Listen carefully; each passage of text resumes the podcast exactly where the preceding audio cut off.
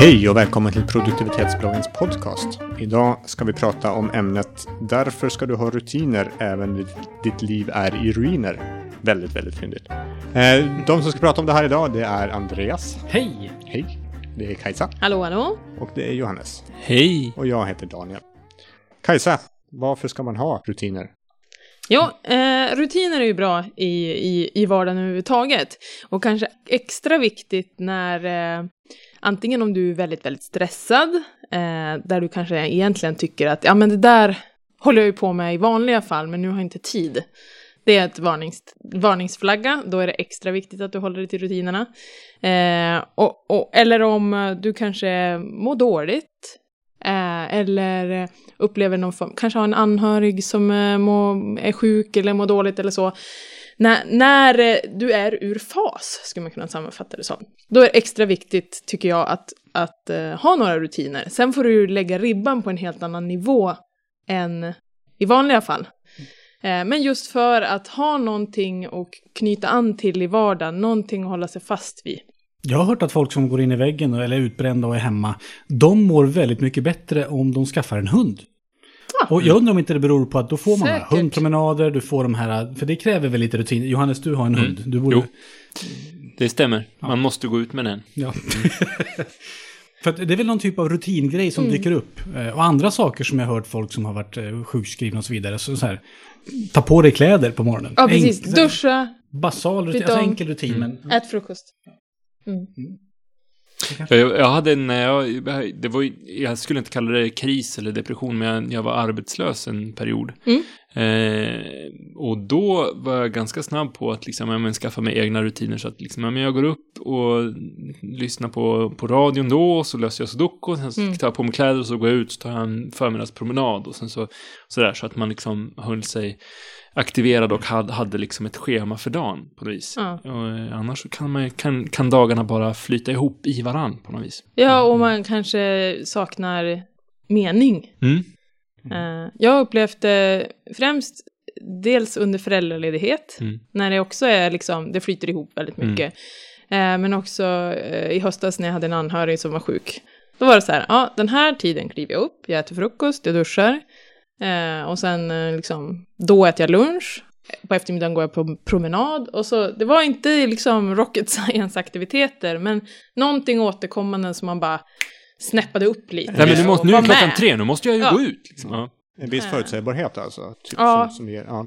det, det skapar en trygghet upplever jag också. Att jag vet vad jag ska göra. Och, eh, för att det, blir ju det blir inte bättre av att ligga i sängen och, och pilla naveln och inte liksom känna något syfte. Även om det är bara du själv som följer med på den där promenaden så, så händer det någonting. Kan man inte säga då att när man väl hamnar i en sån kris så är det bra att ha rutiner redan sedan innan? Ja. Så egentligen kanske man ska säga att skaffa de rutinerna idag och Mm. sätt en sån schema så att den dagen man hamnar i kris kan ju hända när Mm. som helst egentligen. Någon går bort, vad som helst. Så, så har man åtminstone de här hållpunkterna. Men som du var inne på Kajsa, där, jag tror det är viktigt att, att våga skala ner. Ja, fall. Om du absolut, har dina rutiner, att absolut. jag ska träna fyra gånger i veckan och jag ska Ja. göra det här och jag ska läsa minst två böcker i veckan. Och, och, så. och sen händer någonting annat. Ja, men, visst, Andreas, jag håller med dig. Det är bra att sätta rutinerna, men, men fundera på vilka behövs egentligen. Ja, jag tror att det, det behövs ett helt, helt annan sorts eh, återkommande saker. Ett par steg neråt i behovstrappan, Ja. förmodligen. Mm. Då har man en mall att utgå ifrån. Mm. Jag hade, när, när jag var föräldraledig och då dagarna tenderade att, att flyta ihop, då hade jag, jag har aldrig varit så rutinerad om man säger så. Alltså så, aldrig haft så många rutiner som, som då. Det var Mm. liksom så här, ja, måndagar och onsdagar är utflykt och sen så är det de här tiderna som gäller och sen så, ja, det var väldigt schemalagt nästan. Men det här är intressant också, Eh. för då är frågan, var du i kris då eller är du i Nej, kris jag nu? skulle, jag skulle inte säga att jag är i kris, var i kris då, men, men jag hade möjlighet, jag hade helt andra möjligheter att skapa mina egna rutiner. Nej, för jag tänkte bara attackera lite så här. Mm. För att då hade du förmodligen en tillvaro som var lite behaglig. Det är tufft att vara föräldraledig, Ja. absolut. Men jag tänkte nu när man jobbar, det kan vara tufft. Och då kanske rutinerna, rutinerna krackelerar. Eller? Ja, för Häng- då, jag, har ju inte jag sam, jag har ju inte samma rutiner, men några av de rutinerna som jag hade då, som jag byggde då, har jag ju kvar. Så att säga, att liksom, ja men jag äter mellanmål oftare nu, till exempel, än, än vad jag gjorde då. Jag vet att, ja men det är bra att käka lite mellanmål. Eh, och göra det på regelbundna tider. Så de rutinerna har jag tagit med mig in i arbetslivet, liksom, när jag har börjat jobba igen. Men jag kan uppleva att, eh, eh, att jag kan behöva det även, eh, även när jag inte är sjukskriven eller Ja. föräldraledig eller något, att jag jobbar. För att jag tenderar att fungera bäst när jag har lite för mycket att göra. För då, då är jag på topp och liksom bockar av och grejer. Men har jag lite för lite att göra, då får jag nästan ingenting gjort. För då tänker jag att jag kan göra det sen. Mm. Eller så. Eh, så att jag behöver rutiner för att få saker gjort även när jag har tid att göra dem. just för att faktiskt göra dem. Mm. Eh, så att det är skönt att ha det så här, men den eh, fjärde varje månad då brukar jag få viss, vissa rapporter från jobbet och jag gör alltid och så har jag en checklista på, Mm. På saker jag gör varje, eh, den, fjärde varje månad och så vidare. Eh, och det kan vara vissa saker varje vecka. Det be, ja, men veckogenomgången som jag pratar mycket om är ett exempel, men det kan ju vara många sådana saker som man alltid gör. Eh, Mm. I hemmet kan du ha en fast dag för städning liksom, för att det blir gjort.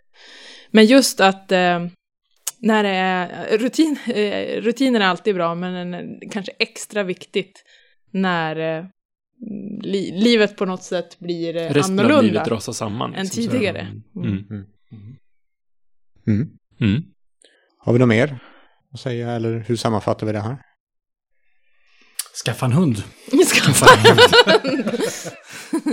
Har du för mycket alltså- att göra? Skaffa en hund! Ja men alltså allvarligt talat, jag, jag är ofrivillig hundägare, jag skulle inte skaffat en hund om jag inte han bodde med en som hade en hund. Eh, eh, och det är faktiskt väldigt bra de gånger, de eh, perioderna som jag varit ensam hemma med hunden. Man kommer ju liksom ut, man tvingas ut. Tidigare så kunde jag vara, vara inne en hel helg och inte gå ut. Men har man hund, ja men då måste du ta den där promenaden. Du måste liksom röra på dig, tänka på någonting annat, tänka på någon annan. Och dessutom så har du någon att prata med. Så vänd dig till din närmsta kennel och skaffa en hund om du tycker att du har svårt att få, få rutiner. Mm. Mm.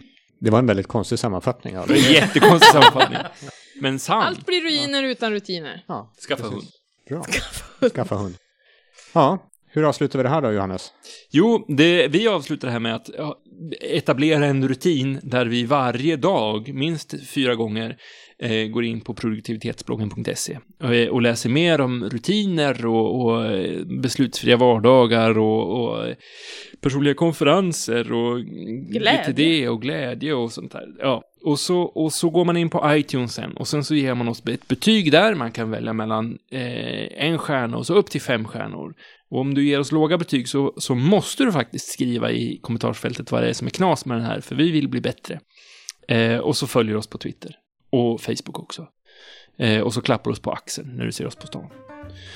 Eh, är det jag som ska säga vilka som har varit här? Ja, det tror jag. Okej, då är det Andreas som har varit med oss. Kajsa har varit här också. Daniel har pratat en del och jag heter Johannes. Vi hörs igen nästa gång du lyssnar på den här podcasten. Ha det trevligt tills dess. Hej då!